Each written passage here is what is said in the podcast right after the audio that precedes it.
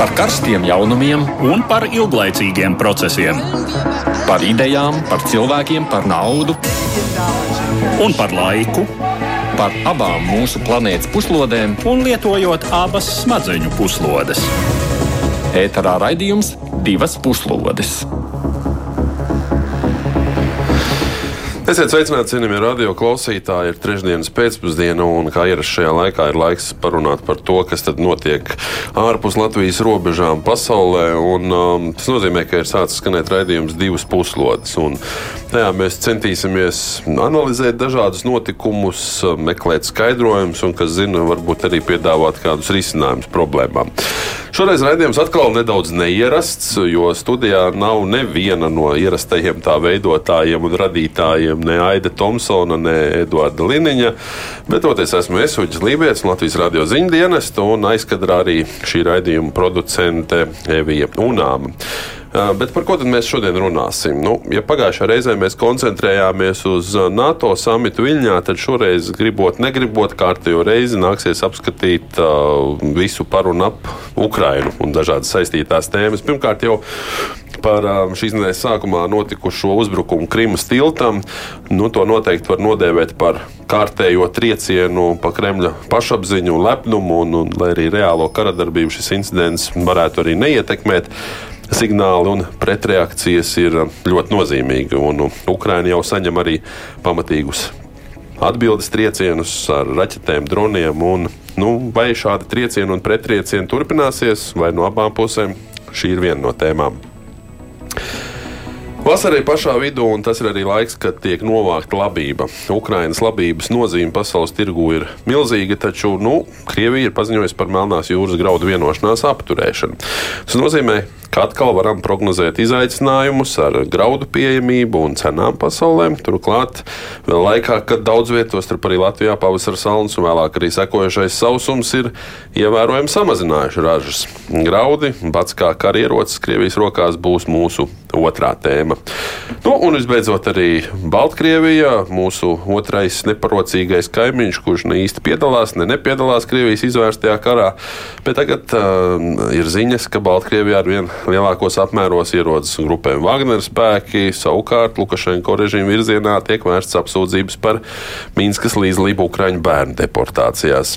Vai un kā mainās arī reģionālā drošība Baltkrievijā notiekošā dēļ? Par to visu turpmākajā stundā. Divas puslodes! Bet tā jau nav, ka es te monologā runāšu turpmāko stundu, un, un, un man pilnīgi noteikti garlaicīgi nebūs, jo līdzās man divi zinoši sarunu biedri - ģeopolitikas pētījuma centra direktors dr. Mārs Anģāns. Sveicināti! Labdien! Un Austrumēropas politikas pētījuma centra pētnieks Armāns Ostukevičs. Sveicināti! Labdien! Es beidzot izrunāju pareizi šī centra nosaukumu, jo Mārs droši vien atcerās, ka es pat savā bakalaura darbā viņu nepareizi nosaucu, ierakstīju visus. Bet, nu, pirms mēs sākam sarunu, tad neliels ieskats uh, atgādinājums par šo incidentu uz Krimas tilta. Šī nedēļa iesākās ar ziņu, ka naktī uz pirmdienu pēc vismaz diviem sprādzieniem iegrūs viens Krimas jeb tā devētā Kerčas tilta laidums, un satiksme pa tiltu tiek pilnībā apturēta. Apturēta tika arī dzelzceļa satiksme uz tā, un prāmi satiksme starp Ukrainai piedarošo Krievijas okupēto Krimas pussalu un Krievijas kubaņas reģionu. Pirmais no rīta notikušo oficiāli apstiprināja Krievi ieceltais okupācijas iestāžu vadītājs Krimā Sergejs Aksjonovs, un sprādzienus nosauc par ārkārtēju gadījumu. Sprādzienā bojā gāja divi cilvēki, un, kā ziņo Krievijas varas iestādes, Tie bija māte un tēvs, savukārt viņu meita negadījumā guvusi ievainojumus. Uzrunājot tos, kas vēlējās šķērsot tiltu, bet nu bija iestrēguši milzu sastrēgumā, Aksjonovs aicināja, lai nokļūtu Krievijā, izmantot ceļojumam sauszemes iespējas, proti šķērsojot Krievijas šobrīd okupēto kontinentālās Ukrainas teritoriju. Savukārt reakcija no Kremļa par notikušo parādījās pirmdienas pēcpusdienā. Putins sarīkoja atklātu tikšanos ar atbildīgiem ministriem un anektēto reģionu vadītājiem, ko raidīja propagandas kanāls Resija 24 un Kremļa īpašais kanāls. Sanāksmē Putins sacīja, ka gaida ieteikums drošības uzlabošanai uz tilta, uzklausīja ziņojums par tilta bojājumu apmēriem un draudēja Ukraiņiem ar pretreakciju. Naktī uz otru dienu Ukraiņas teritorijas kāra kārtējais Krievijas raķešu un dronu vilnis.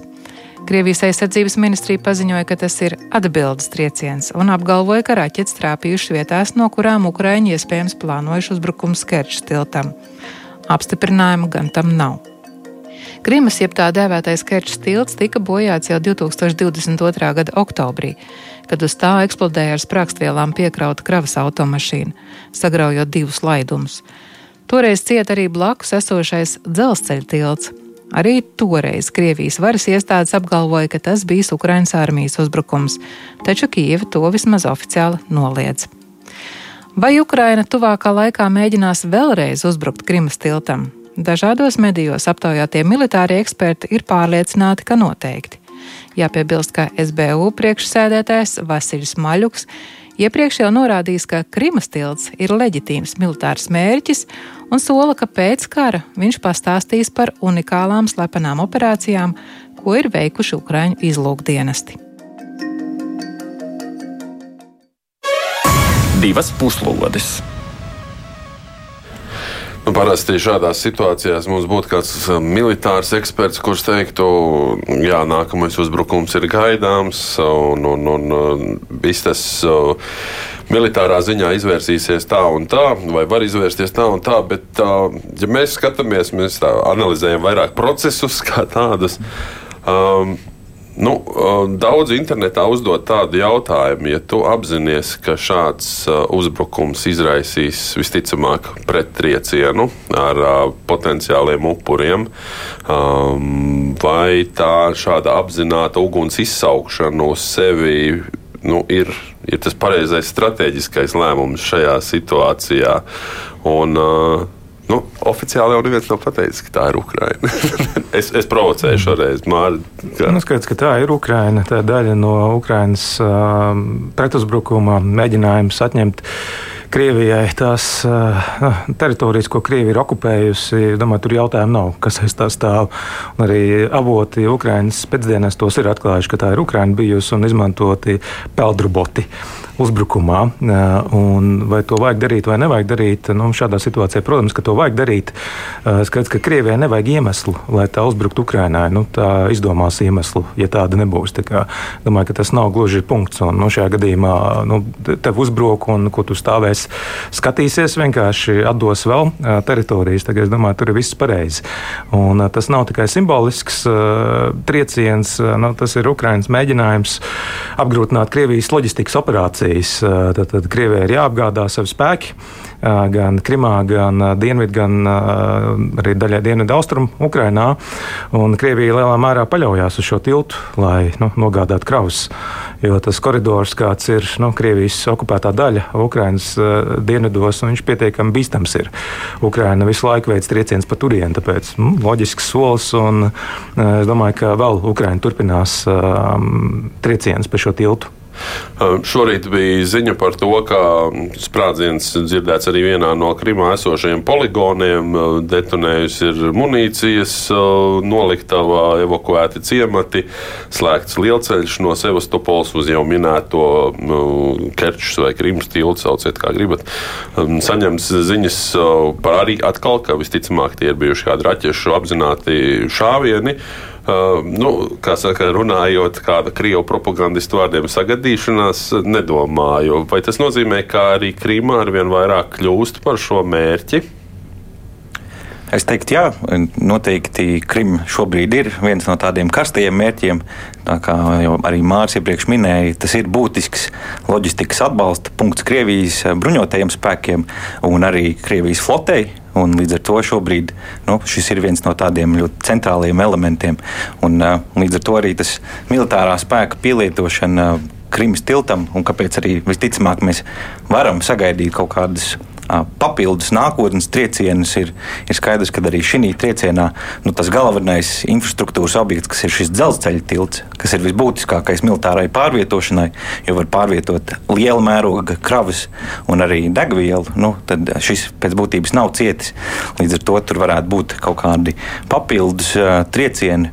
Un šeit, uh, kā jau arī iepriekš minēju, šī jaunā spēja, ko mēs redzam, uh, nu, jūras droni arī šeit spēlē ļoti nozīmīgu lomu, jo nu, šādu tiltu, it īpaši tādu mēroga, tik nu, būtisku kritisko infrastruktūru ar raķetēm un, un citiem līdzekļiem ir ļoti grūti iznest no ierindas.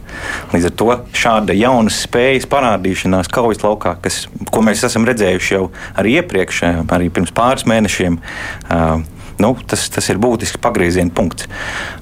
Tur mēs eh, redzam, dažādos avotos gan ir, ir šīs spekulācijas, no kurienes šie droni ir nākuši, vai tie ir paši ukrāņu droni, jo viņiem šādas spējas eh, tās ražot ir, vai tie ir britu piegādātie, bet eh, jebkurā gadījumā nu, šāda spējas parādīšanās ir. Un uz to arī īstenībā mājienu deva Ukrāņu premjerministra vietnieks. Viņš arī savā Telegram kanālā pēc būtības ierakstīja, ka jo tieši pirms šī uzbrukuma pirmdien, svētdienā bija Krievijas propagandas kanālos, bija ziņas sižets par, par Krievijas atkal droniem Lancet. Tad viņš tā kā nu, vīpsnājot arī pieminēja, ka citi rāda savas spējas, citi viņas liek lietā. Un, un, un, un tā kā es domāju, ka mēs redzēsim šī virzienā daudz jaunus pavērsienus un triecienus. Krima un jūras spējas tie ir tādi, nu, vismaz Krievijas. Uh, Krievijas lielajā propagandas mašinērijā un vispār politiskajā uzbūvē nedalām jēdzieni. Galu galā Krimā ir Sevastopola, kas ir nu, Krievijas kā, nu, jūras spēku viens no centrālajiem punktiem. Bet faktiski pēdējā laikā mēs par Sevastopolu ļoti daudz nedzirdam. Arī par Krievijas jūras spējām. Nu, tik daudz, ka no jūras no kuģiem tiek šautas raķetes, vadāmās tie paši kalibri un tam līdzīgi. Bet jūras spējas ir salīdzinoši klusas, un tas, ko bieži vien tiek pieminēts, nu, tās spējas Krievijai joprojām ir ļoti lielas. Un, nu, tur ir visu, ko var sagaidīt. Jā, nu, Sevastopolā mēs pa laikam īstenībā dzirdām, dēļ lidrobotu uzbrukumiem Ukraiņas. Ik pa brīdim notiek uzbrukumi Ukraiņas teritorijā. Arī mēs jau piesaucām, ka ne tikai pa tiltu Kerčs ir veikts uzbrukums, bet arī pa munīcijas noliktavu netālu no tilta, un kur pat arī lielceļš ir Krimā slēgts. Krimā ir diezgan tāds nu, liels mērķis Ukraiņai šobrīd, un arī nu, pierēzes Ukraiņi mēģina nu, ne tikai loģistikas operācijas apgrūtināt, bet arī iedvest bailes Krievijas iedzīvotājus, kurš atpūšas Krimā. Tad, nu, lai, lai nebūtu nu, tāda mierīga sauļošanās, lai arī atved uz, uz, uz nu, Krievijas pamatteritoriju atpakaļ vēst par to, ka nu, nav viss tā, kā stāsta Krievijas valsts televīzijā, bet atpakaļ par Krievijas jūras spējām. Ukraina diezgan veiksmīgi ir atstūmusi Krievijas karakuģus no saviem krastiem. Atcerēsimies, Maskvā zaudējumi. Tad, tad Krievijas Melnās jūras flotes karognesējs tika nogremdēts uh, Ukraiņas uzbrukumā. Kā, nu, ir acīm redzot, uh, nu, noteikti kilometrāža, kurā uh, Krievijas kuģi nespēja pieiet tuvāk klāt Ukraiņā. Jā, kā minēja, viņš šauja kalibru raķetes, bet uh, nu, nespēja pienācīgi tuvu pietuvoties Ukraiņas teritorijai. Un arī atcerēsimies Čuskas salu. Čuskas salu uh, Ukraiņa arī atkaroja no Krievijas, kur tas nu, simboliskais žests tika parādīts. Uh, un, un, un Krievijas kuģis tika aizsūtīts kaut kur. Tā kā, nu, šobrīd ir tāds status quo iestājas, ka Krievijas eh, kara kuģi eh, joprojām ir eh, aktīvi, darbojas, ir pietiekami spējīgi Melnajā jūrā, bet viņi nespēja pietuvoties Ukrainai. Viņi var šaut kruīzu raķetes, bet nespēja pieiet tūmām. Jau pieminēju šo mm, Krimu kā atpūtas vietu un reģionu iekārotu gan no padomu laikiem, gan Krievijas arī jaunajos, jau nu, nezinu, dažādos paziņojumos, ka to brauciet, tur viss ir mierīgi, viss ir skaisti. Šodien lasīju tādu interesantu lietu, ka no vienas puses tagad pēc šiem sprādzieniem Krievijas turisma industrija nu, lūdzoties, lai cilvēki neatceļ savus braucienus. Un, Un, uh, paralēli ir tā nianse, ka tiek aicināti cilvēki izmantot sauszemes maršrutu, bet uh, tur esot viena maza problēma. Uh, jābrauc ir cauri Mariupolei, un uh, tur cilvēkiem, uh, bērniem, ne, bērniem esot bailīgi skatīties uz to, tāpēc nepatīkot īsti. Uh, šis, uh, vēstījuma nogādāšana atpakaļ mājās, ka nu, nemaz tik skaisti tur nav un nemaz tik droši tur nav. Vai jums liekas, ka tā ziņa aizies? Noteikti aizies, viņa aiziet. Nu, nav tā, ka Krievijas iedzīvotāji neapzinās to, kas notiek Bet nu, jautājums ir, es domāju, cits ir. Nu, daļa, daļai tas tieši pamato šo speciālo militāru operāciju. Nu, no vienas puses, jā, viņi redz, ka tur nav droši, ka arī Ukraina dod pretī uzbruk, bet daļai no viņiem tas nostiprina pārliecību. Mums neļauj atpūsties. Jā, ka neļauj atpūsties un arī, ka, ka acīm redzot, viņa prāt ir iemesls redz šādai speciālajai operācijai. Es domāju, nu, te nav tikai tā, ka no vienas puses var raudzīties uz situāciju. Jā, es piekrītu, tas noteikti. Ja mēs sakām, no pirmkārt, šis Krimas tilts ir ļoti militāri svarīgs mērķis, viņš arī ir ļoti simbolisks. Jo arī kopš nu, šīs Krimas aneksijas, Krimas tilts arī nu, dažādos Krievijas mēdījos tiek nu, arī Putinam, no Putina tiek celts kā tāds ļoti liels no, panākums par to, ka mēs esam savienojuši nu, Krieviju ar, ar Krimu. Un, un līdz ar to viņš ir ļoti simbolisks mērķis, un tāpēc arī nu, no Ukraiņu perspektīvas ir ir svarīgi. Nu, šis trieciens ir arī, viņam ir ar simbolisku nozīmi. Un arī Krievijas sabiedrībā līdz ar to es domāju, ka mēs varam sagaidīt eh, nu, kaut kādu šajā informatīvajā telpā lielāku viļņošanos. To mēs arī redzam jau šobrīd pēc būtības. Tas, kā Krievijas mēdīji rāmē šo uzbrukumu, ir par to, ka tas ir uzbrukums, teroristisks uzbrukums civilai infrastruktūrai. Šie arī nu, pāris arī cilvēki, kas gāja bojā, nu, šo pēc būtības nu, veidu, kā Krievija atspoguļo nu, tieši pamatojot par to speciālo militāro operāciju, ka, jā, kad nu, redzam, paskatāmies, kāds ir šis Kievas režīms. Un, Un arī šīs tiesība aizsargājušās iestādes Krievijā pēc būtības ir uzsākušas izmeklēšanu. Tas ir tas veids, kā šis nu, konflikts un, un, un šis atgadījums tiek rāmēts. Bet skaidrs, ka nu, šāda veida tilts, protams, ir leģitīms militārs mērķis. Nu, tur nav nekādu. Um, šaubu. Tas, kas būtu droši vien interesanti par Krievijas turistiem, uh, redzēsim, ja tur būs vairāk sprādzienu Krimā, vai ja viņi masveidā centīsies tikt prom no Krimas, vai tas netraucēs Krievijas loģistikai, jo pēc būtības tā alternatīvā militārais koridors šobrīd ir nu, tas, pa kurien varētu arī doties šie turisti. Tas droši vien būs kaut kāds virziens, kur mēs varēsim skatīties.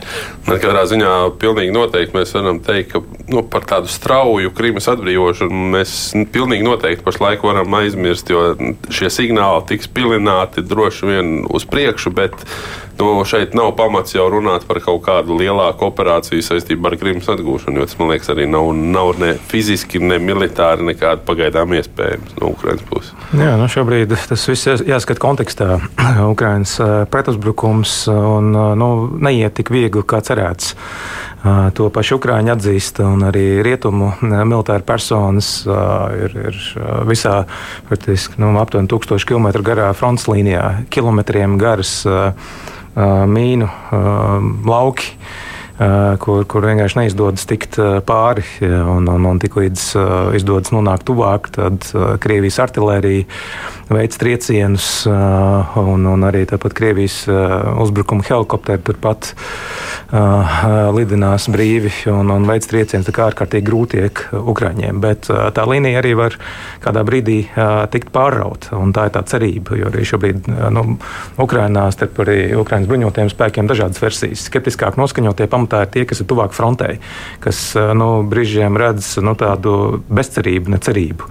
Ir ārkārtīgi karsts, kas arī nu, padara karošanu diezgan grūtu un, un, un nu, ir diezgan nu, traumatiska pieredze, ka daudzi iet bojā. Nu, lielā daļā uzbrukumu pat piektā daļa tehnikas tiek pazaudēta. Un, un, un, un bieži vien arī ir pilnīgi neveiksmīgi mēģinājumi nu, iet, iet pāri Krievijas šiem mīnu laukiem. Un, un tagad arī Ukrāņi maina taktiku.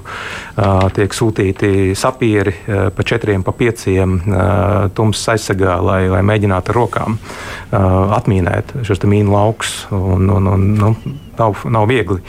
Bet kādā brīdī tas var izdoties kādā sektorā. Tad arī Ukraina var likt lietā atlikušās rezerves un atlikušo bruņojumu. Tāpēc nu, scenāriji ir dažādi, kā neizdodas pāraut Krievijas aizsardzības līnija tikpat labi arī var kādā vietā izdoties un var notikt strauja virzība uz priekšu. Tad arī var Krievijas aizsardzības līnijas sabrukt kā kāršu namiņš, bet pagaidām, diemžēl, nav tāda pazīme. Jā, un tās atmīnēšanas problēmas droši vien būs arī, nu, ja ne gadu, tad gadu desmit jautājums uz priekšu, un par to arī daudz un dikti tiks uh, diskutēts. Bet uh, šim te Krimas tilta jautājumam tagad liekam nedaudz punktu. Virzamies nākošajā tēmā, proti par Krievijas lēmumu apturēt dalību Melnās jūras uh, graudlīgumā. Ukraina un Krievija ar Turcijas starpniecību pagājušā gada 22. jūlijā parakstīja vienošanos ar ANO par Ukrainas lauksaimniecības preču eksporta atsākšanu Melnajā jūrā kas tika pārtraukts Krievijai 24. februārī, sākot atkārtoto iebrukumu Ukrainā. Šī vienošanās ir ļāvusi Ukrainai nosūtīt vairāk nekā 32 miljonus tonu graudu garām Krievijas karakuģiem Melnajā jūrā. Liela daļa no šiem graudiem nonākusi attīstības valstīs Āfrikā, Tuvajos Austrumos un citur. Ja eksports atkal tiek bloķēts, tas var izraisīt krīzi šajās valstīs, un pārtikas cenas pasaulē var atkal pieaugt vēl vairāk. Šo pirmdienu beidzās šīs vienošanās vairāk kārt pagarinātais termiņš. Par to paziņoja Kremļa preses sekretārs Dmitrijs Peskovs, pavēstot, ka Krievija izstājas no šīs vienošanās. Turcijas prezidents Reģeps Taips Erdogans, kas ir šī darījuma tiešais uzraugs, pirmdien pauda pārliecību, ka viņa draugs Putins joprojām vēlas pagarināt starptautisko labības darījumu. Viņš apgalvoja, ka vienošanās par labības darījumu pagarināšanu bez pārtraukumiem var tikt panākta vēl pirms Putina augustā iecerētās vizītes Turcijā, piebilstot, ka sāruņas šī mērķa labā jau notiek. Tiesa otrdien Krievijas vēstījums Turcijai, ka līdz ar Maskavas izstāšanos no Melnās jūras labības darījuma tiek izformēts šīs starptautiskās iniciatīvas koordinācijas centrs Stambulā un atsauktas drošības garantijas tirzniecības kuģiem Melnajā jūrā, nebūtu neapstiprina Erdogana publiskoto pārliecību. Nosodījumu par Krievijas lēmumu izteicis gan ANO ģenerālsekretārs Antonio Guterres, norādot, ka miljoniem cilvēku, kas cieš badu, maksās par šo Krievijas lēmumu, gan arī dažādu valstu amatpersonas. Tikmēr Ukrainas prezidents aicināja pasauli nerēķināties ar Krieviju, bet iespringt uz cita risinājuma meklēšanu, lai nodrošinātu labības eksportu. Kremlis šādu aicinājumu jau nodēvējis par pārdrošu. divas puslodes. Kā tikko arī skatos Twitterī, tāds ieraksts, ka nu, 511. kara diena, un faktiski var teikt, ka atkal ir sācies bada karš. Uh, jo, nu, kā arī pēc dažādiem aprēķiniem, ka pirms kara Ukraina ar saviem graudiem varēja pabarot aptuveni 400 miljonus cilvēku, nu, ja tā mēs rēķinām, un arī tagad jau tiek pie, piesaukts, ka nu, faktiski, ja kārtējo reizi šī graudu vienošanās, nu, tā var teikt, aiziet pa pieskari, tad tiek tiek apdraudēti un burtiski atņem cēdienas uh, nabadzīgākajiem cilvēkiem Āfrikas ragā, mm, valstīs, Afganistānā, Jemenā, Sahels reģionā un tā tālāk un tā joprojām. Uh, vienlaikus šajā situācijā Krievija gūst peļņu, uh, tirgojot savus produktus. Ir pagājis gads, pirms gada bija pirmo reizi šī situācija. Tagad mēs nonākam atpakaļ tieši pie tām pašām sarunām. Neko neesam mācījušies par šo gadu. Es teiktu, ka gada laikā ir bijušas izmaiņas. Mēs redzam, ka šajā pārtikas tirgu lielāku lomu sāk spēlēt Brazīlija, un tā skaitā arī pati Krievija. Viņai pēc būtības šis eksportētais apjoms ražas ir, ir pieaudzis gadu laikā. Pēc būtības Krievijas tie vērstie vēstījumi par to, ka kaut kādā veidā pasauli ierobežo viņa, viņu tiesības eksportēt labību, nu, tie nav patiesi. Pēc būtības nu, ši, šāda veida darbība ir turpinājusies, un, un, un tas ir viens no šīs vienošanās pamata. Nu, pamatakmeņiem par to, ka mēs turpinām, mēs neveicinām šādu veidu uh, humanitāro katastrofu. Tas, ko es teiktu kopumā, uh, nu, šāds scenārijs par to, ka Krievija varētu izstāties, viņa jau pirmām kārtām vairāk kārt ir kaut ko tādu indicējusi, bet uh, es pieņemu, uh, ar to vairākas puses bija rēķinājušās. Tāpēc arī bija šis uh, ANO ģenerālsekretāra uh, Gutereša paziņojums pagājušā nedēļa par to, ka iespējams mums vajadzētu mazināt, mīkstināt sankcijas Krievijai, lai tomēr nu, šādu veidu vienošanos mēs varētu turpināt. Līdz ar to nu, kaut kāda veida kustības arī diplomātiskajā uh, frontē viņas noteikti notika. Bet uh, es domāju, ka mēs mums nevajag skatīties varbūt tās tik ļoti negatīvi uz to. Šeit ir vairākas versijas, ka tā situācija var turpināt attīstīties un Ukraiņas graudu eksports var turpināties. Līdz ar to vēl, vēl nekas nav zaudēts. Un, un, un tāpat arī jau minētais, iespējams, ka arī to vienošanos tomēr būs iespējams panākt. Kādi būs gan tie nu, jaunie nosacījumi, tas varbūt tās ir cits stāsts. Bet, jā. Iznāk, ka šantāža būs nostrādājusi. Jā, nu šobrīd šantāža strādā. Krievija jā, ir paziņojusi, ka tā vēlas sankciju mīkstināšanu tad, lai atvieglotu mēslojuma un, un labības eksportu no Krievijas. Tāpat arī uh, viens no bankām, kas nodarbojas ar lauksaimniecību Krievijas atgriešanas SWIFT sistēmā, uh, un nu, to nav izdevies panākt, un tāpēc arī Krievija izstājas. Protams, jautājums, kas tālāk notiks, jo nu, teorētiski jau neviens neliedz uh, komerc kuģiem doties uz Ukraiņas ostām un atpakaļ, uh, bet uh, nu, Krievija, protams, ir netieši draudus izteikusi par to, ka kuģi nu, kara zonā var var ciest, nu, ka tas nav droši. Tāpēc jautājums, ko nu, šīs komercfirmas darīs, ko apdrošinātāji darīs, vai uzskatīs, ka tas ir pienācīgi droši. Un, protams, var meklēt arī cits risinājums, jo nu, tas nav normāli, ka viena valsts bloķē citu aizbildinoties no ieroču piegādēm. Un, nu, nav nepieciešama, es domāju, ieroču piegādes Ukrainai. Nu, tāpēc arī tās inspekcijas ir atļautas uz kuģiem, labības, lai it kā pārmeklētu pret ieročiem. Bet nu, taču ir labi zināms, ka uh, ieroču rietumu rietumu pamatā caur Polijas teritoriju eh, tiek nogādāti Ukraiņas teritorijā, un tam nu, nav nepieciešami eh, nu, kuģi. Un, un, protams, risinājumi varētu būt dažādi citādi. Tostarp arī pati Ukraina varētu mēģināt uh, aizsargāt šos kuģus, bet nu, tad potenciāli droši vien nonāktu konflikta situācijās ar Krievijas kuģiem, un Ukraiņas flote ir nu, diezgan niecīgi palikusi. Tad arī tāpat Turcija, kas ir NATO dalībvalsts, bet kas tādu dubultu spēli spēlē, ir ir arī cits vēl NATO dalību valsts Melnajā jūrā, Bulgārija, Rumānija. Nu, viņas arī nav īpaši spēcīgas ar, ar savām flotēm, tā kā noteikti kādi varianti būtu. Un es domāju, Ukrainai būtu nu, visā kara kontekstā jāmēģina atjaunot savu floti un, un mēģināt Krievijas karakuģus tālāk atspiest no saviem krastiem, arī potenciāli no šīs te, uh, kuģošanas līnijas, pa kur graudus tālāk nogādāt uh, nu, ārā no Melnās jūras. Um, tikko Eiropas Savienība ir arī izteikusies, ka nu, darīs visu iespējamo, lai palīdzētu, atkal palīdzētu šos graudus transportēt uh, pa sauszemi, pa dzelzceļiem droši vien, no automašīnām visādos veidos, lai palīdzētu Ukrainai. Bet šeit sākās tas uh, otrs moments, uh, ka nu, visas kārtas ir salikušās tā. Atvainojos, ka uh, šogad ir bijušas pie mums no pavasarī bija salnas, tagad ir sausums, mūsu ražas ir mazas uh, un būs mazas. Ja Ukraiņi ir ārā no tirgus, tas palielina to tā, kas mums ir cena, to ražu cenu. Mēs nemaz neesam interesēti varbūt palīdzēt tiem ukrāņiem. Eiropas valstis, kas blakus ir uh, Ukrainai un jau saskārās ar šo graudu pieplūdumu un dempingu arī nav īsti interesēts, vai nesaskatāt šeit kaut kādas draudus atkal, ka kāda Eiropas valsts var iestāties pozā? Drīzāk nē, es teiktu, tas globālais pārtikas tirgus ir pietiekami liels, lai viņu mēs spētu sadalīt. Tur, kur ir Eiropas Savienības, varbūt tās valsts iebildumi, piemēram, Rumānijas attiecībā uz šo nu, graudu eksporta, transportu, kalpojot kā iespējamam tranzīta koridoram. Ir vienkārši, ka tās kravas ir ļoti daudzas un lielas, un tas nozīmē, ka savu produkciju ir pēc tam grūti eksportēt. Nu, vienkārši nav tās uh, kapacitātes. Bet, uh, bet ir šie alternatīvie transporta koridori, ko arī Ukraina ir iezīmējusi. Viens ir uh, Donavas upe kas ir, kur jau šobrīd kaut kāda daļa no, no šiem graudiem tiek transportēta, un tur ir kapacitāte to vairot.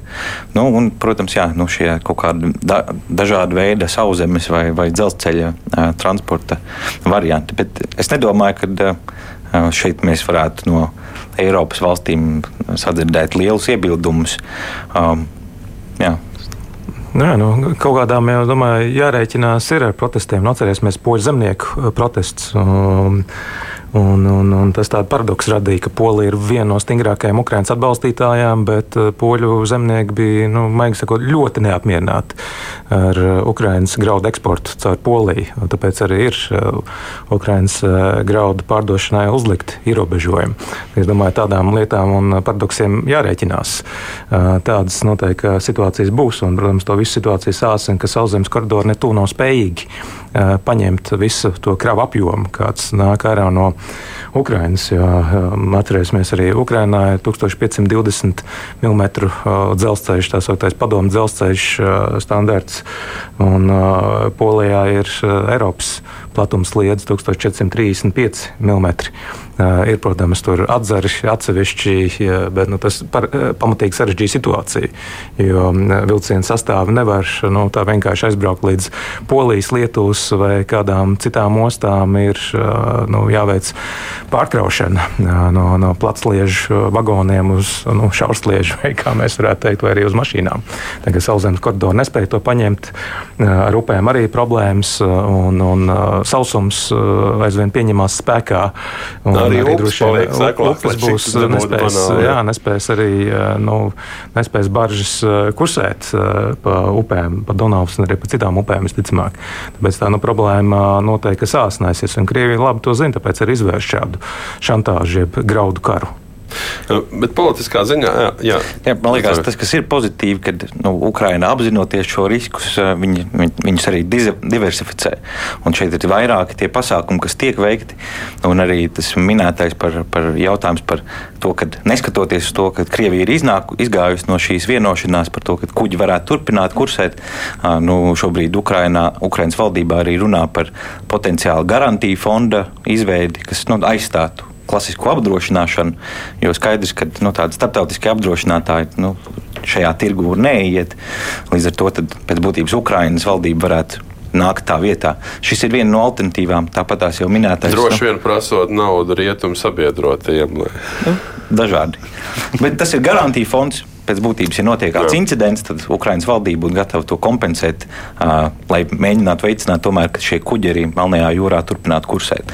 Un tāpat arī, nu, uh, man liekas, uh, ļoti svarīgi, svarīgs vēstījums no Ukrainas arī par, par to, ka nu, starptautiskai sabiedrībai šeit ir jānāk un jāiesaistās daudz vairāk, jāmeklē risinājumi, jo nu, tā, tā ir, šī, šī jau nav tikai lokāla vai reģionāla konflikta um, jautājums. Šis ir nu, globāls pārtikas uh, apgādes jautājums. Jā, man liekas, tiešām tas stāsts ir par to, ka tā Eiropas kaut kāda vietējā konkurence aiziet otrā plānā, ja mēs ņemam vērā kaut to apjomu, kas nesaņem to ēdienu vispār. Un, Un skatoties pēdējos datus, ka tas bats un sausums pasaulē tikai pastiprinās un palielinās, tā problēma ir jārisina globāli. Bet, bet atkal, vai to ir iespējams risināt, ja tajā pašā ANO drošības padomē vai kur pie, pie, pie veto tiesības ir Krievija? Kā tas var ietekmēt kaut kādus arī globāla līmeņa mēģinājums risināt šos jautājumus? Nu, ļoti sarežģīti. Nu, Krievija ir paliek drošības padomē ANO, un nu, tā tas arī būs, kamēr ANO būs. Nekas labāks nav izdomāts, lai cik mums ļoti nepatiktu mano spēja vai nespēja Ukraiņas kara kontekstā vai kādā citā karā. Un šeit būs arī grūti attiecībā arī uz graudiem un citiem jautājumiem kaut ko izdarīt. Un, no vienas puses varētu vēl citi risinājumi tik meklēt, piemēram, nu, ārvalstu karakuģi varētu iesaistīties drošības nodrošināšanā piesauc jau vai ne. To, ka Ukrainai spējas diezgan ierobežotas, tāpat arī Bulgārijai un Rumānijai, Turcija, NATO dalībvalsts ir dubult spēle spēlē. Un savukārt valstis, kas ir ārpus Melnās jūras, ir speciāla konvencija, Montrūka konvencija no 1936. gada, kas regulē to, kāda ir atļautā kuģu kustība cauri Bosforu un Dardanēļu šaurumiem. Proti, ārvalstu karakuģi drīkst atrasties Melnajā jūrā, nu, ārvalstu ne Melnās jūras kuras ne ilgāk kā 21 dienu. Noteikti arī tonāžas ierobežojumi, kādi drīkst būt. Līdz ar to nu, tas arī atkrīt kā variants to, ka varētu ienākt kādi citu ārvalstu kara kuģi, kas varētu šo koridoru nodrošināt. Un pat ja varētu, tad nu, arī nav daudzas valsts, vien, kas vēlas nonākt potenciālā konfrontācijā ar Krieviju. Jo arī nu, šeit, ja graudu darījums vairs nepastāv, ja ir drosmīgi uzņēmumi, kas savus kuģus ir gatavi sūtīt nu, uz Odesu vai kādām citām ostām Ukrajinā, tad kas notiek, nu, ja Krievijas karakuģis nostājas priekšā, viņi var to izdarīt un um, piedraudēt ar, ar spēku pielietošanu. Un, uh, no civilē kuģi jau ir cietuši šī kara laikā, tā, tādi incidenti ir bijuši. Vienmēr sakot, ir ārkārtīgi sarežģīta situācija. Jau pieminēja Turciju un tās īstenoto dubulto spēli. Mēs pagājušajā nedēļā NATO samita kontekstā runājām, kas tad Turcijai ir piedāvāts saistībā ar, ar, ar Zviedrijas uh, F-16 iznīcinātāju. Tos, ko varbūt nesaņem Ukraiņa, bet jautājums. Kā tad ar šiem graudiem? Turcijas draudzība ar Putinu, nedraudzība, mēģinājums būt pa vidutāju, NATO valsts spējas, vēlme vai iespējas aizsargāt kaut ko, nodrošināt kaut ko Melnā jūrā. Kā tas viss izskatās?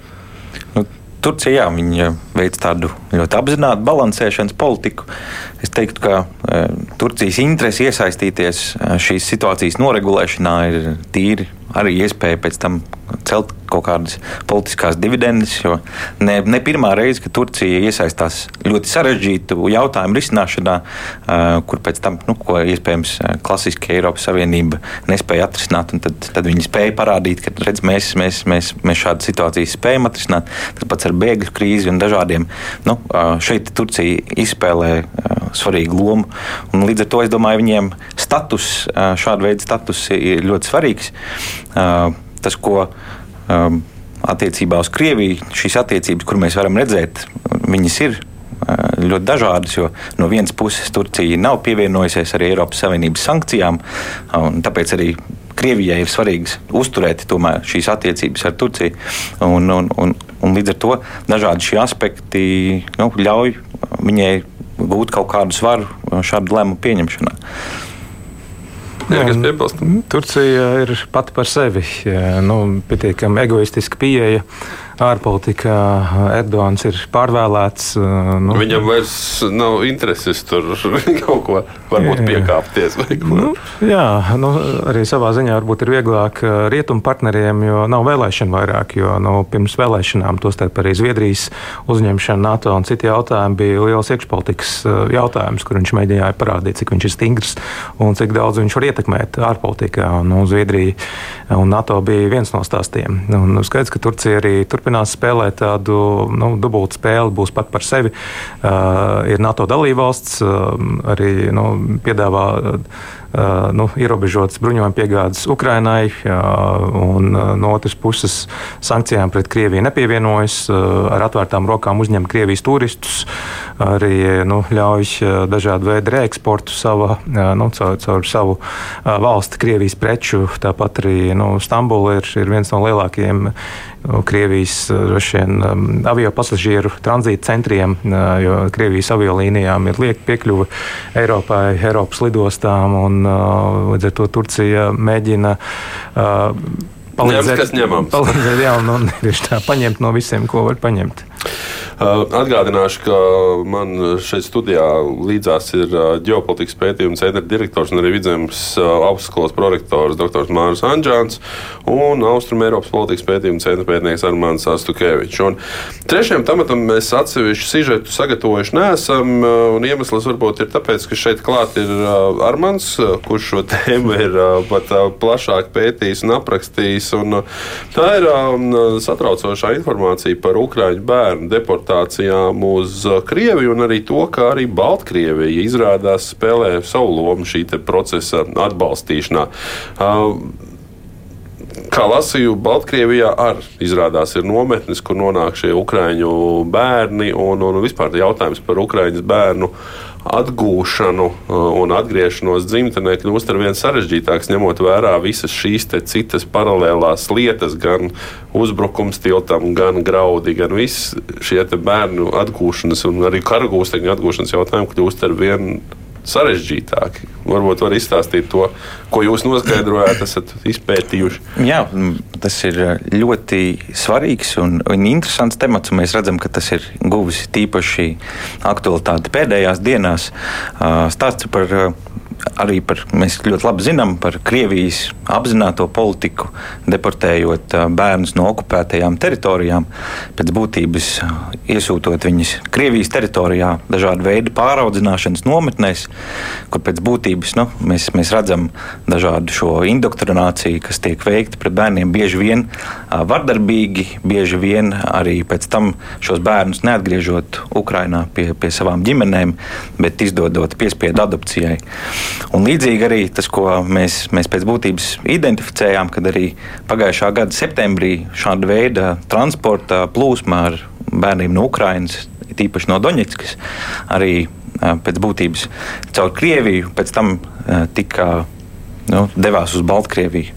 Un pēc būtības arī Lukašenko un viņa režīms vairākas nometnes, kas ir izveidotas, kur šie nu, Ukraiņu bērni pēc būtības pavadu laiku, bet arī nu, tur ir ļoti spēcīgi. Oficiāli noteikti atgūstas no karā gūtajām emocionālajām traumām. Tas, tas pagriež to viņu propagandu, jā, un, bet nu, skaidrs, ka tur ir ļoti liela nu, tāda veida darbs ar šiem bērniem notiek, lai stāstīt par to, ka Ukraiņas režīms ir noziedzīgs, par to, cik labi ir Krievija un, un tam līdzīgi. Un, tam līdzīgi.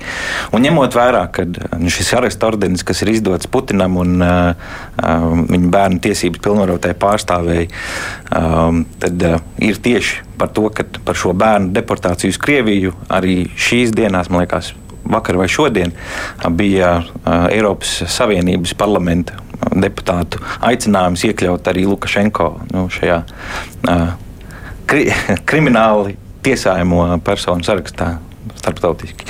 Ja mēs jau nonākam līdz šim tiesiskajam ietvaram, nu, tas ir pielīdzināms kara noziegumam, genocīdam, kā tas tiek traktēts pašlaik. Un, un, un, nu, vai, mēs, nu, vai šādiem noziegumiem ir noilgums, nav noilgums, ko mēs varam sagaidīt drīzumā? Varbūt Nu, pēc, pēc Ženēvas konvencijas un dažādu vien, ekspertu secinājumiem ir skaidrs, ka tas ir kara noziegums. Tāpēc arī šis aicinājums pēc būtības nu, arī tiesāt Lukašenko. Uh, Nu, tas, ko mēs arī redzam, kad ne tikai Mīnskas režīms, politiskais režīms, bet arī nu, viens no lielākajām Baltkrievijas kapitāla sabiedrībām, Belarus Kalī, kas ir nu, kālija eksports no, no Baltkrievijas, kas arī ir pakļauts sankcijām, tieši atbalsta pēc būtības finansē šo bērnu transportēšanu. Un, eh, kāds pāris mēnešus atpakaļ arī bija pēc būtības ANO ģenerālsekretāra aicinājums iespējams pārskatīt uh, nu, šīs sankcijas Belaruskalī. Līdz ar to it īpaši tā iemesla dēļ ir ļoti svarīgi nu, šos noziegumus celt gaismā par to. Nu, skatīties, teikt, klau, nu, nav, tas nav piedodams. Un, uh, tādiem noziegumiem tiešām nav noilgums, mēs nevaram domāt par sankciju mīkstināšanu, kamēr nu, uh, tas notiek. Bet tā vietā daudz vairāk domāt par to, kā mēs varam uh, atbalstīt Baltkrievijas opozīciju, jo viņi arī ir ieguldījuši ļoti lielu darbu lai šo situāciju pētītu. Un pēc būtības viņiem arī ir savs Baltkrievijas opozīcijas ziņojums, ko arī viņi ir izsūtījuši gan Eiropas parlamentam, gan citām valstīm un institūcijām. Līdz ar to nu, tas, tas, tas jā, jautājums par Pie opozīcijas atgriezīsimies. Otro reizi izskan uh, ANO aicinājums varbūt pārskatīt sankcijas, lai panāktu kaut kādu nu, risinājumu citai problēmai. Vai tā ir tendence, vai tas kaut ko liecina par pašreizējo ANO vadību, vadītāju? Nu, ANO vadītājiem, ģenerālsekretāram nu, jāstāsta droši vien saviem darba devējiem. ANO ir 193 valstis, un lielākā daļa nav demokrātiskas valsts pasaulē. Jā, līdz ar to nu, viņiem arī ir kaut kāds līdzsvars jāmeklē. Nu, ģenerālsekretārs Guterres ir bijis pietiekami asins pret Krieviju. Bet visam ir savs robežas. Un, nu, mums nevajadzētu sagaidīt pārāk daudz no ANO, jo nu, līdzīgi kā ar demokrātiju, nekā labāk par ANO nav izdomāts jau pasaulē. ANO veic ārkārtīgi daudz un labu darbu, ir daudz aģentūras, tāpat Pasaules veselības organizācija, kas Covid laikā nu, lielu uzmanību piesaistīja pārtiks programma, arī nu, dažādas citas aģentūras. ANO dara ļoti daudz, bet nu, negaidīsim nesagaidāmo no ANO. Karus ANO var izbeigt nu, tikai tad, ja tur nav lielvaru interešu. Bet arī nu, lielvaru interešu trūkums arī nenozīmē to, ka var izdoties izbeigt tādu karu. Te var raudzīties faktiski pilsoņu karu, jeb starp frakciju karu Sudānā. Nu, tur lielvaru intereses nav, bet tas nu, nenozīmē, ka šeit arī būtu kāda, kāds cits interesants, kas varētu praktiski izbeigt šo konfliktu. Atgriežoties pie Baltkrievijas opozīcijas, šajā situācijā, kad mēs redzam ziņojumus par šādiem noziegumiem, paziņojumi par Lukašenko režīmu atklātu atbalstu Krievijas uh, spēkiem. Par to, ka mēs saņemam ziņas, ka Wagnerieši ar vien vairāk ierodās Baltkrievijā un uh, veikšot pieredzes apmaiņas, apmācības ar Baltkrievijas bruņotajiem spēkiem. Uh, Cik vispār liela jēga un nozīme ir Baltkrievijas opozīcijai, kura ir nu, sašķelta, ne ļoti īpaši manāma? Un, un, un, nu, es vienmēr esmu piesardzīgi kritisks par, par, par, par viņu spējām kaut ko sasniegt. Un, vai, vai, vai, vai arī teiksim, rietumu valstu pārāk lielo uzticību šiem cilvēkiem vai cerībām uz viņiem. Cik jūsuprāt ir vispār reāli, ka šie cilvēki kaut ko spēj iespaidot? domāju, salīdzinot droši vien Baltkrievijas un Krievijas opozīciju, tad Baltkrievijas opozīcija tomēr ir konsolidētāka iepratim un, un tomēr nu, kaut kāda veida šo organizāciju mēs, mēs varam redzēt. Tas, kas, protams, kontekstā ar, ar karu Ukrainā, Baltkrievija ir aizgājusi kā temats vienkārši otrajā plānā. Tāpēc arī nu, mēs redzam, ka starptautiskie mēdīji un, un citi nu, tas uh, kā temats ir kļuvis mazāk interesants. Jo nu, kopš šī 20. gada protestiem Baltkrievijā, tad, nu, tad tiešām Baltkrievija bija ļoti liela uzmanības lokā šobrīd. Tas mazinās. Un, protams, tas ir liels darbs, kas, kas ir jāiegulda, lai lai par šīm tēmām runātu un, un lai veidotu to atpazīstamību. Bet eh, nu, es domāju, tā no mūsu perspektīvas skatoties. Eh, tas tā ir tāda reālākā alternatīva, kur mēs, mēs varam ko šobrīd atbalstīt, domājot par eh, nu, jebkāda veida procesu ietekmēšanu, kaut kādā labvēlīgā virzienā Baltkrievijā. Bet, protams, nu, šobrīd tas režīms ir ļoti stabils. Krievijas uh, ietekme Baltkrievijā tikai pieaug, it īpaši šī kara laikā. Tās nav nekādā veidā varbūt tās ļoti drīzas pārmaiņas, bet ilgtermiņā skatoties, nu, šī ir vienīgā sakrīga alternatīva. Tas liekas paradoxāli. Pirms dažiem gadiem mēs nevarējām iedomāties tādu apgalvojumu, ka Baltkrievijas opozīcija ir konsolidētāka un saliedētāka nekā Krievijas opozīcija. Nē, nu, Krievijā faktiski nav šobrīd no. Nu. opozīcijas.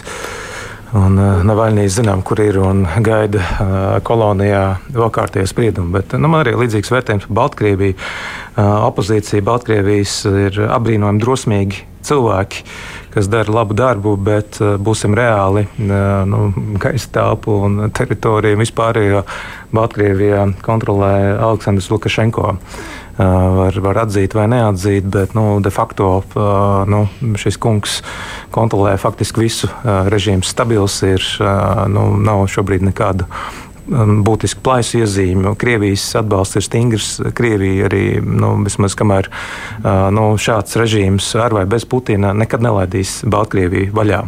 Uh, un, uh, protams, ir labi, ka ir nu, potenciāli pārņēmēji varas, nu, kas zina, var, var gadīties visādas lietas arī Krievijā. Prigožina dumps arī parādīja, nu, ka nevar neko izslēgt. Visādi var gadīties, bet šobrīd uh, tiešām nu, ir, ir jāuzslavē Baltkrievijas opozīcija, bet nu, jāatcerās, ka nozīme viņiem ir faktiski nekāda šobrīd Baltkrievijā. Par, par Jau pieminējām Wagneriešu, pieminējām Prigožinu, Dumpi. Man tas viens no jautājumiem, kas visu laiku ir kā, nu, nedod mieru.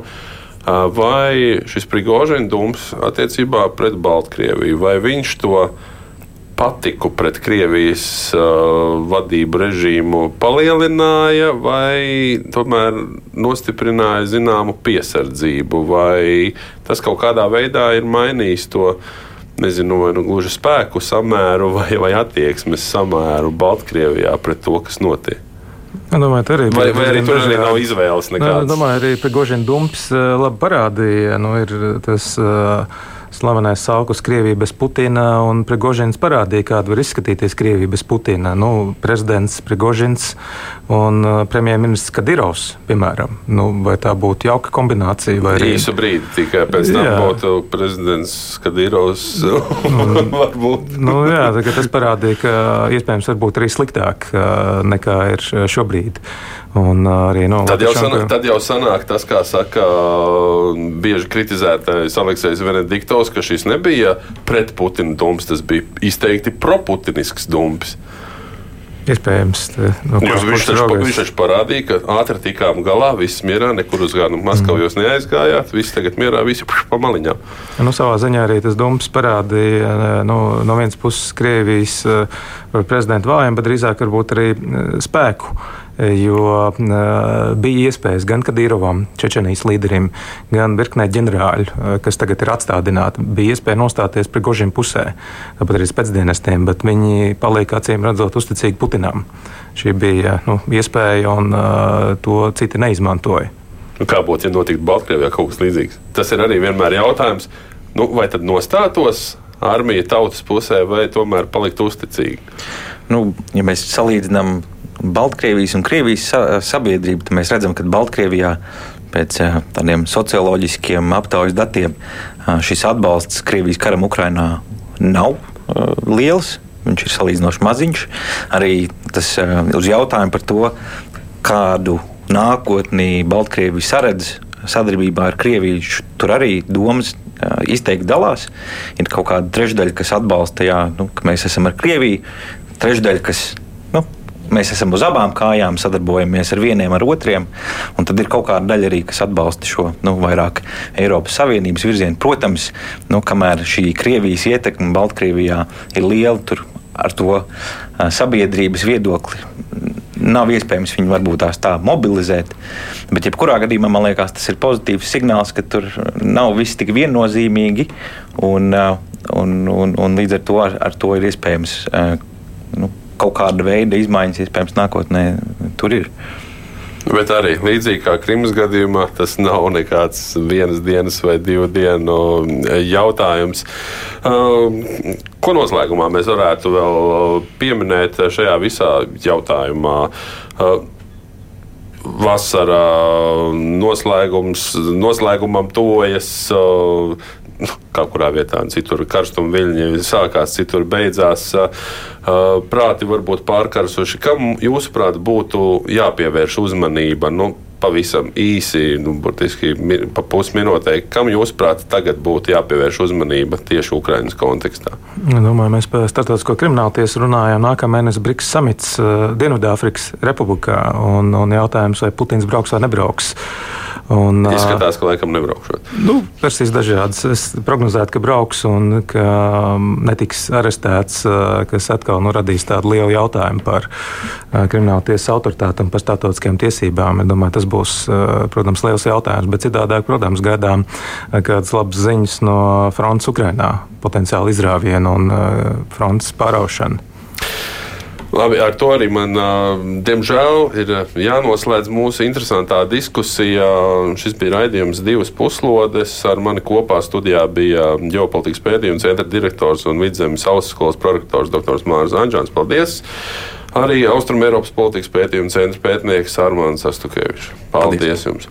Atgādinu, ka šo raidījumu veidoja producente Evija Unāma. Studijā bija es, Uģis Lībijams. Sadzirdēsimies jau pēc nedēļas, kad atkal būs jaunas divas puslodes, atkal būs kādi starptautiski notikumi, par kuriem noteikti būs vērts runāt, diskutēt un analizēt. Bet līdz tam, lai visiem jauka atpūta!